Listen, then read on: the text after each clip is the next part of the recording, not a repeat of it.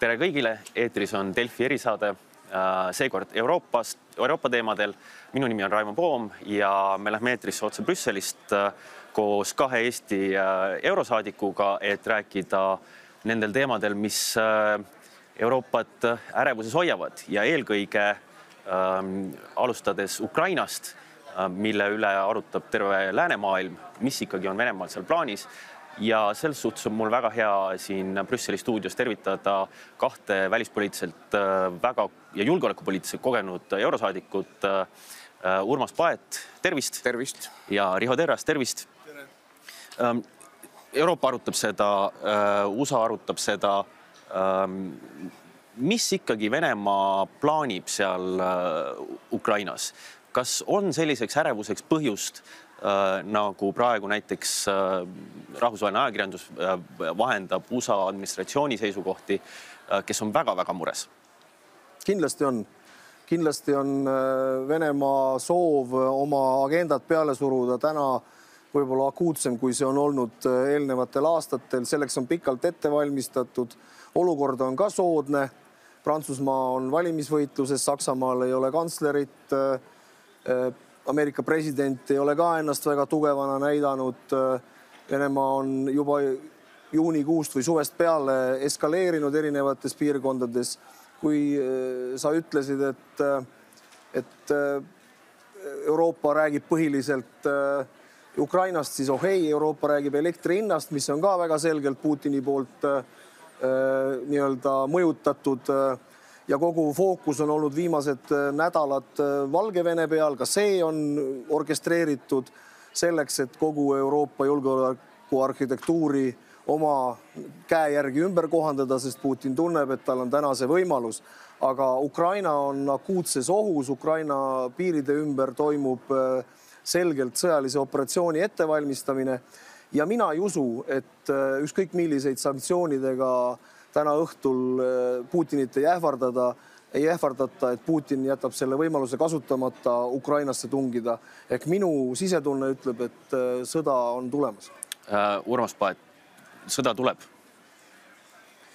no kõigepealt, mis on eesmärk, kui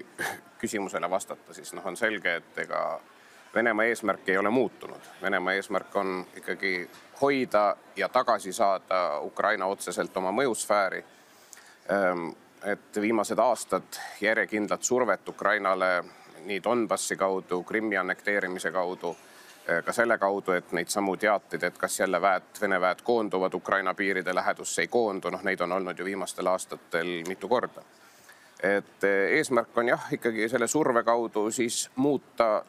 taaskord Ukraina nii-öelda poliitilisi hoiakuid selleks, et Ukraina siis lõpetaks lääne poole vaatamise ja, ja jääks Venemaa mõjusfääri ja noh, lisaks Ukraina taga on veel ka Moldova, äh, noh, Valgevene äh, on, on niikuinii, eks ole, ka nende viimaste sündmuste tulemusel Venemaaga veelgi tihedamalt seotud. nii et, et see on eesmärk. nüüd taktikaliselt, mis või millal juhtub, et noh, kui nüüd vaadata jälle neid olulisemaid viimaste aastate juhtumisi alates kaks tuhat kaheksa Gruusia ründamisest, kaks tuhat neliteist Krimm ja Donbass noh, nüüd, eks ole, Valgevene siis äh, aktsioonid koos Venemaaga Euroopa Liidu piiridel. et siis kõik need sellised sündmused on siiski tabanud läänt üllatusena et ei ole olnud nii, nagu praegu Ukraina puhul räägitakse, et noh, võib-olla siin paari kuu pärast või järgmisel kuul toimub midagi. et tegelikult ikkagi kõik need äh, sammud on olnud üllatusena.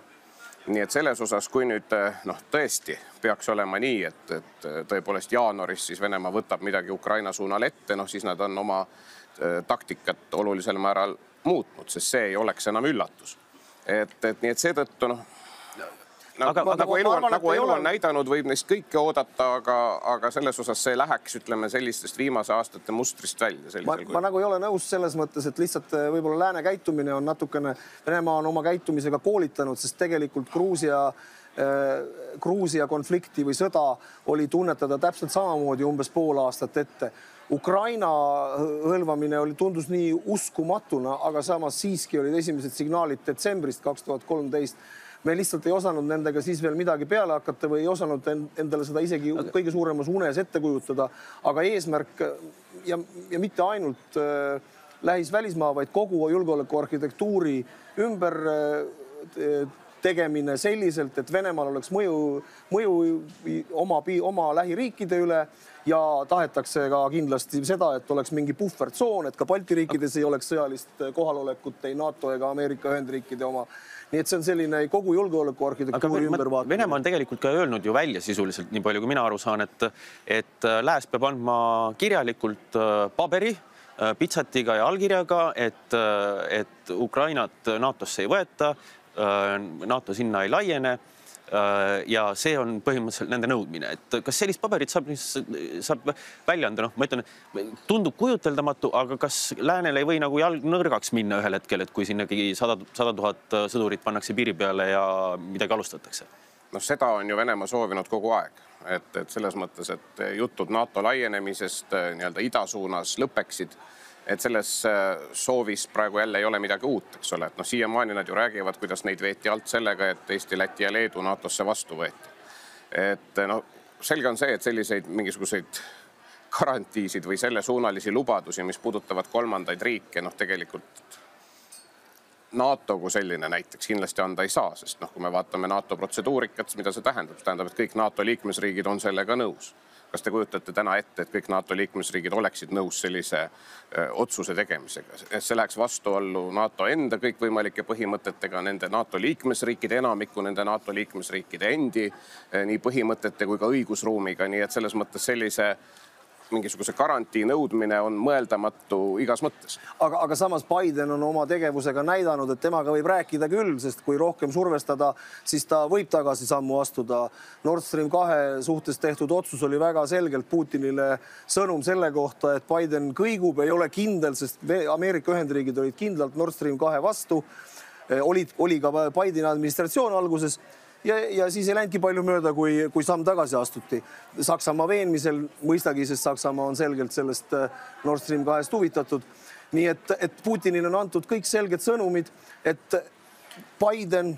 NATO riikide nimel võib teha järeleandmisi, võib teha Jalta kohtumist nii-öelda kas see päriselt nii läheb või mitte, seda me saame täna näha, aga, aga vähemalt need signaalid, mis on äh, läinud Ameerika Ühendriikidest välja, ei ole sugugi olnud nii kindlad ja veenvad.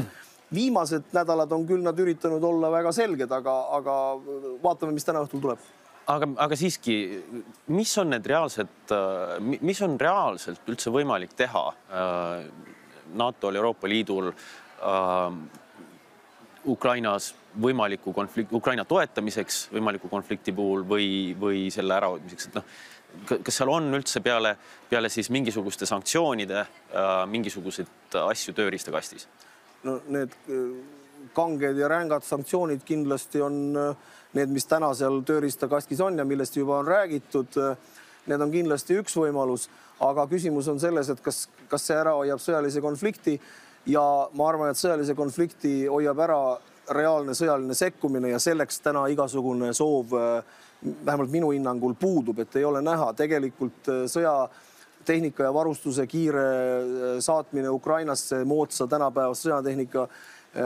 paneks need kaardid seal paremini lauale, sest Ukraina armee on küll arenenud, aga täna ta ikkagi sõdib üle-eelmise generatsiooni tehnikaga, erinevalt Venemaast, kes on viimased aastad pühendunud oma tehnika moderniseerimisele nii et ma arvan, et just nimelt ka selge sõjaline abi äh, sõjatehnikaga on see, mida Ukraina täna kiiresti vajaks. kas see on mõeldav? no Ukraina ei ole NATO liige, see on ka ju see põhjus, miks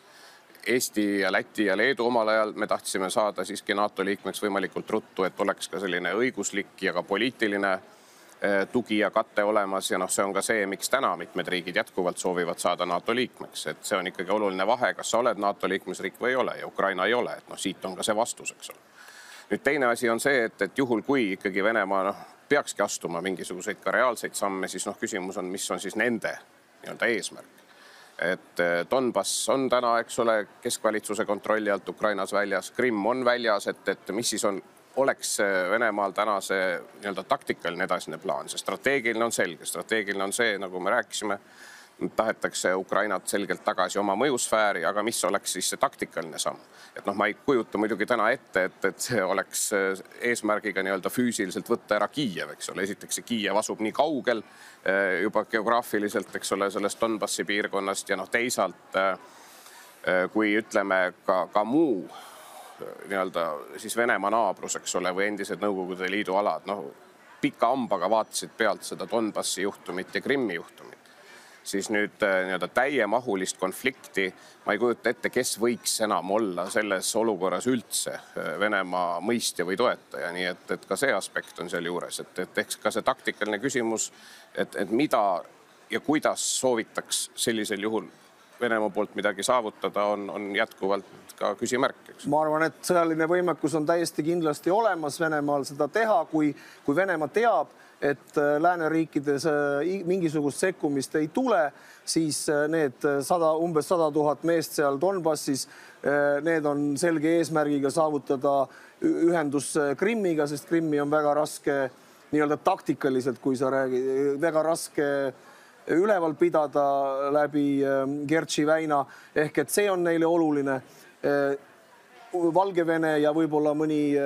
dessantiviis seob Ukraina läänepoolsed jõud, mida väga palju ei ole äh, läänerindel, sealt ei ole vaja isegi üle tulla, nad ei saa sealt ära tulla, sest Kiiev on väga lähedal ja esimene tankiarmee läheb Kiievisse ja probleem on lahendatud. ja kui me selles faktis oleme, me täna ei usu seda, see tundub uskumatu, täpselt sama uskumatu nagu Krimmi annekteerimine või Donbass, ukrainlaste sõda venelastega. aga, aga kui me selles olukorras oleme, siis mina küsin, mis on siis need sammud, mida me siis teha või tehe, tegema hakkame või teha saame? aga ma,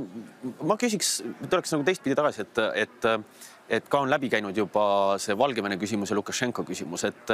et noh, me oleme jõudnud Ukrainani, aga just äsja testis äh, Lukašenko sisuliselt seda, noh, milline on Euroopa Liidu ühtsus äh, hübriidrünnakuga, kui mitte peaaegu otserünnakuga, noh siis äh, kasutades neid äh, turiste äh, piiri peal. et äh, kas, kas seal sai Euroopa Liit äh, hakkama selle lahendamisega, kas, kas täna on see lahendatud sisuliselt? Äh, kas need sanktsioonid, ähvardus, need sanktsioonid, mis peale pandi, need mõjuvad Lukašenkole, et äh, ta seda ei korda? Äh, kuidas te vaatate sellele? no ma vaatan, et see Valgevene olukord, noh, praegu on kindlasti leevenenud, sest noh, seda näitab juba see, et need inimesed, kes sinna kohale lendasid, lendavad juba paljud tagasi ja on lennanud. noh, kuigi palju neid on seal veel alles Valgevenes aga noh, see oli jah, ta selles mõttes on ikkagi nagu hübriidkonflikt, et need inimesed, keda Lukašenko kasutas ja soovis kasutada, et noh, nad siiski ei olnud Lukašenko käsualused, ta ei olnud Valgevene armee, vaid need olid ikkagi inimesed, kellel mingi valik siiski on olemas ja noh, nagu näha Äh,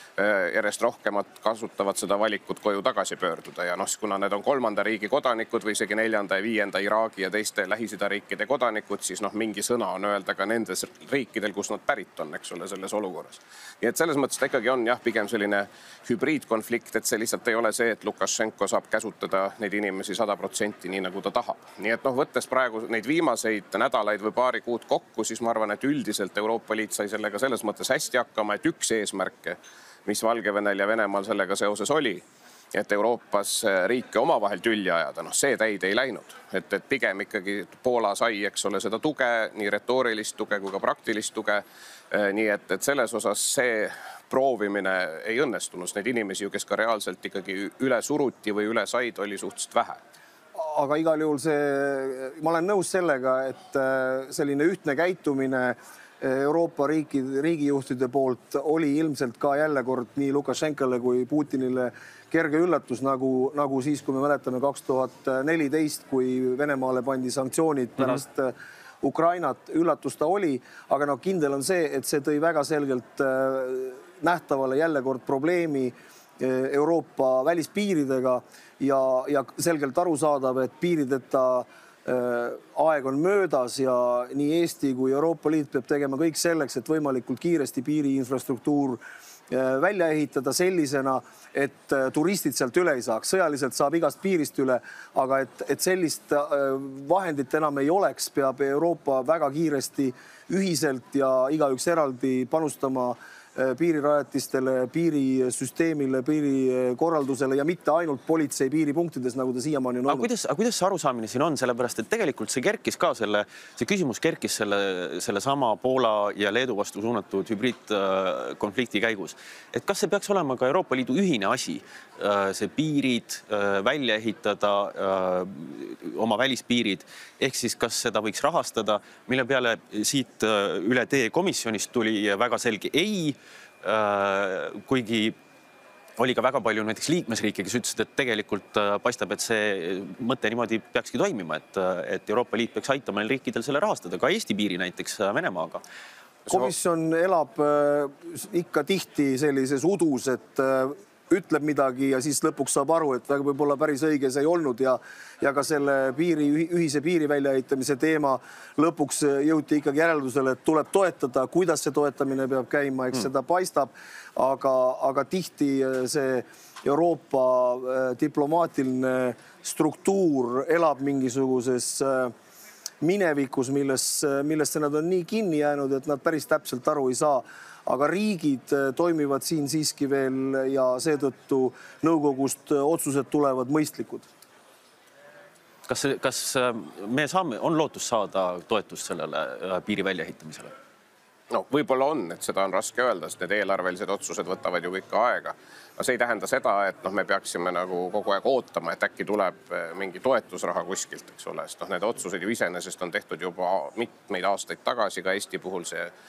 piir välja ehitada korralikult ja, ja noh, siis ikkagi ju plaan oli teha seda oma ressursiga, nii et noh, kena, kui tuleb äh, nii-öelda toetusressurss, aga noh, seda, seda kindlasti ei tohiks jääda ootama. ja noh, mis neid hoiakuid puudutab, siis jah, komisjoni hoiak on muutunud äh, noh, sellesama Valgevene piirikriisi tõttu ka, mis puudutab piiri väljaehitamist, aga noh, eelarvelised otsused jah, need ju päris üleöö ikkagi ei, ei käi ja, ja noh, mis on nagu laiema hoiaku küsimus, siis ega see on selles mõttes ju ikkagi ka noh, mitte ainult julgeoleku või humanitaarne küsimus, vaid see on siiski ka poliitiline, et ei ole ju ka mingi saladus, et noh, jätkuvalt Euroopas on ju ja kohati on nad ka riikide valitsustes selliseid poliitilisi jõude, noh, kes tegelikult sellelaadseid piiranguid siiski teha ei tahaks, et noh, selles mõttes ei ole ka nii, et kõik kakskümmend seitse liikmesriiki on täpselt ühesugusel positsioonil näiteks välispiiri füüsilise väljaehitamise osas, et ka riikide vahel tulenevalt sellest, millised poliitilised jõud ühes või teises valitsuses on, on neid erinevusi. ja põhiliselt käib see liin selle järgi, kas sul on endal välispiir või Euroopa Liidu välispiir või ei ole. noh, see kindlasti mõjutab, aga noh, mitte ainult, et selles mõttes on ju seda, neid riike, kes saavad aru, eks ole, et neil on ka oma sisepiiride või Euroopa sisepiiride kontrolli tagamine on selle võrra keerulisem, mida suurem korralagedus valitseb välispiiridel. Ähm, tahtsin veel Euroopa Liidu asjade juurde tulla äh, ja tuleviku juurde. kus me siis olime? me oleme olnud kogu aeg seal. et äh, vähem kui kuu aja pärast algab äh, Prantsusmaa eesistumine äh, Euroopa Liidus ja no siis ütleme üks suuri Euroopa Liidu suuremaid liikmeid hakkab, hakkab asju ja elu korraldama. Ähm, no me teame, et Prantsusmaal on, on oma selge nägemus ka näiteks noh, julgeoleku küsimustest ja, ja Prantsuse president jutustab palju niisugusest asjast nagu Euroopa strateegiline autonoomia. kas te, mida see teie meelest tähendab, mida nad tahavad? et ja, ja kas, kas selle eesistumise ajal võib, võib oodata mingisuguseid initsiatiive selles suunas, et, et? ma tahaks no... tõsiselt küsimuse alla seada seisukoha, et Prantsusmaal on selge nägemus, sest seda nägemust ei ole kusagilt näha olnud see väljend strateegiline autonoomia on tulnud president Macroni kabinetist ja kui ma küsisin, kui see välja tuli, ma olin veel tegevuses, äh, küsisin, et mida see tähendab, siis ükski kabineti liige seda väga seletada ei oska. ja, ja tegelikult see on asendustegevus, mis on väga palju äh, Euroopa Liidu julgeoleku energiat pannud äh, teemale, mis on, mis kunagi toimima ei hakka autonoomia oleks võimalik siis, kui me ütleksime, et me investeerime, kõik Euroopa Liidu riigid investeerivad näiteks strateegilisse õhutransporti, ostes lennukeid selliselt, et me saame autonoomselt oma üksuseid ühest kohast teise liigutada. üksused on ju tegelikult viisteist aastat olemas olnud. Euroopa lahingugruppe pole kunagi kasutatud, sest puudub poliitiline struktuur seda kasutada ja puudub tahe sinna sellesse ka investeerida ja, ja tegelikult viimane äh, nii-öelda eelarveraamistik näitas, et vaatamata sellele, et Euroopa on rääkinud kaitsedimensioonist kui olulisest, võeti raha väga oluliselt sellest kaitsedimensioonist ära ja, ja tegelikult ei näita ükski samm seda, et Euroopal on soov äh, kuidagi tekitada mingeid paremaid võimekusi äh, ja kõige tähtsam on see, et see häirib meie transatlantilist suhet ehk Ameerika Ühendriikide vähemalt sõjaväelased on kogu aeg mures, mida sellega öelda tahetakse, kas te tahate ilma meieta olla? ja tegelikult on transatlantiline suhe kõige olulisem. no mina nii pessimistlik ei ole, et selles mõttes, kui vaadata põhjust, miks sellest üldse rääkida, siis põhjused on täiesti olemas ja siin kindlasti ei saa piirduda, ütleme ainult sellise otsese siis kaitsevaldkonnaga või ka kaitsetehnika ja, ja selle valmisolekuga me kõik alles mäletame, kui see koroonapandeemia puhkes, kuidas kogu Euroopa rippus sõna otseses mõttes Hiina nisa otsas, eks ole, et kus on maskid, kus on kilejoped, kus on mis iganes. Äh, siin riikide kaupa alates Itaaliast ja teistest veel maandusid suured Hiina lennukid, eks ole, kogu avalikkus juubeldas, näete, Euroopa meid ei aita, meid aitab Hiina, eks ole, mis noh, lõppude lõpuks muidugi arvuliselt tõele ei vastanud ehk ütleme, sellise strateegilise autonoomia kontseptsioon selles mõttes on selgelt laiem, et noh, küsimus on selles, et kas Euroopa kriisi ajal saab hakkama või ei saa hakkama või ta sõltub mingitest äh, välistest tegijatest, kellest osad võivadki olla konflikti teine pool sellel ajahetkel nii et, et selles osas minu meelest see eesmärk nagu suures pildis on tegelikult täiesti põhjendatud. tänases maailmas, kus äh, seesama autoritaarse demokraatliku maailma konflikt läheb järjest tugevamaks, kuidas me tõepoolest sõltume paljudes asjades Hiinast ja mingitest väga kaugetest riikidest. no me oleme näinud ka turbulentsi suhetes Ameerika Ühendriikidega, eks ole, siin alles äh, mõned aastad tagasi. nii et, et, et selles osas see, et parandada Euroopa enda võimekust ja valmisolekut saada ise hakkama, kui on rasked ajad, ma arvan, et see on igal juhul vajalik ettevõtmine. nagu ikka, saatan on peidus, eks ole, detailides ja noh, nüüd tulebki see äh, üldine põhimõte siis äh, sisustada, et mis asjad on need, mis on reaalselt tehtavad, eks ole, mis on mõistlik teha ja neid tuleb teha, sest noh, selge on see, et see ütleme, viimase, ma ei tea, paarikümne aasta kaunis aeg on tegelikult otsa saanud nii et, et selles mõttes ma arvan, see, et Prantsusmaa täna on sõnastanud selle suure eesmärgina, on igal juhul vajalik ja nagu Euroopa on näidanud, kui sa tahad midagi läbi viia, sul on ikkagi vaja ka liikmesriigi või liikmesriikide seas mingit vedurit, kes võtab selle justkui oma asjaks. et kui see on niisama jutu tasemel, eks ole, ja loksub nagu see ka Euroopa Liidu, ütleme, kaitsekoostöö jutt on siin aastaid loksunud ja pole väga kuhugi jõudnud. põhjus ongi olnud selles, et ei ole olnud väga selget vedurit, nii et noh, eks saab näha, see on muidugi praegu on ka Prantsuse, eks ole, presidendi kampaania, mis annab veel oma värvingu kogu sellele eesistumisele. aga noh, igal juhul nagu suure eesmärgina see, et me saaksime nagu paremini oma riske maandada, ma arvan, et see on igal juhul vajalik mm.. sellega ma olen nõus, et äh, selline üldine strateegiline autonoomia, ainult et antud kontekstis on Macron seda väljendit kasutanud just nimelt. ta läheb järjest laiemaks, nad lähevad järjest laiemaks. seda rohkem see supp lahjemaks läheb. seda küll jah, aga noh, sealt võib-olla leiab ka asju, mis siis ongi teostatavad, eks ole. no anname, loodame jah. okei okay, ähm,, viimase asjana sel nädalal tuleb veel üks väga oluline muutus, formaalselt äh, teoks. Saksamaa saab uue valitsuse ja ähm, siis kuusteist aastat äh, kantsler Angela Merkeli äh, juhtimist Saksamaal saab läbi. Äh, samamoodi ähm, Euroopa Liidu siis teine suurriik, teine võimalik vedur. mis on,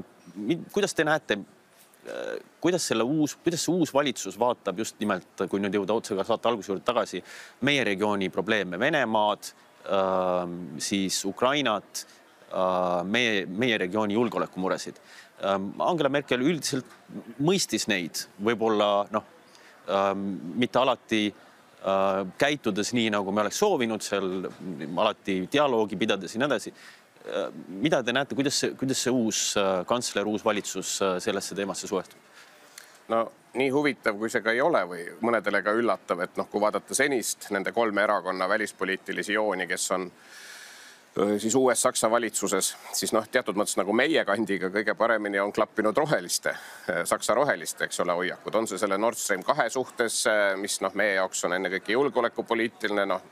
rohelistel arusaadavalt on see olnud ka ütleme siis keskkonnaalane dimensioon aga ka ütleme, selline hoiak üldse autoritaarsete riikide Venemaa, Hiina suhtes, noh, teatud mõttes nendest kolmest on rohelistel, Saksa rohelistel olnud kõige selgem, eks ole, uus Saksa välisminister tuleb ka roheliste parteist.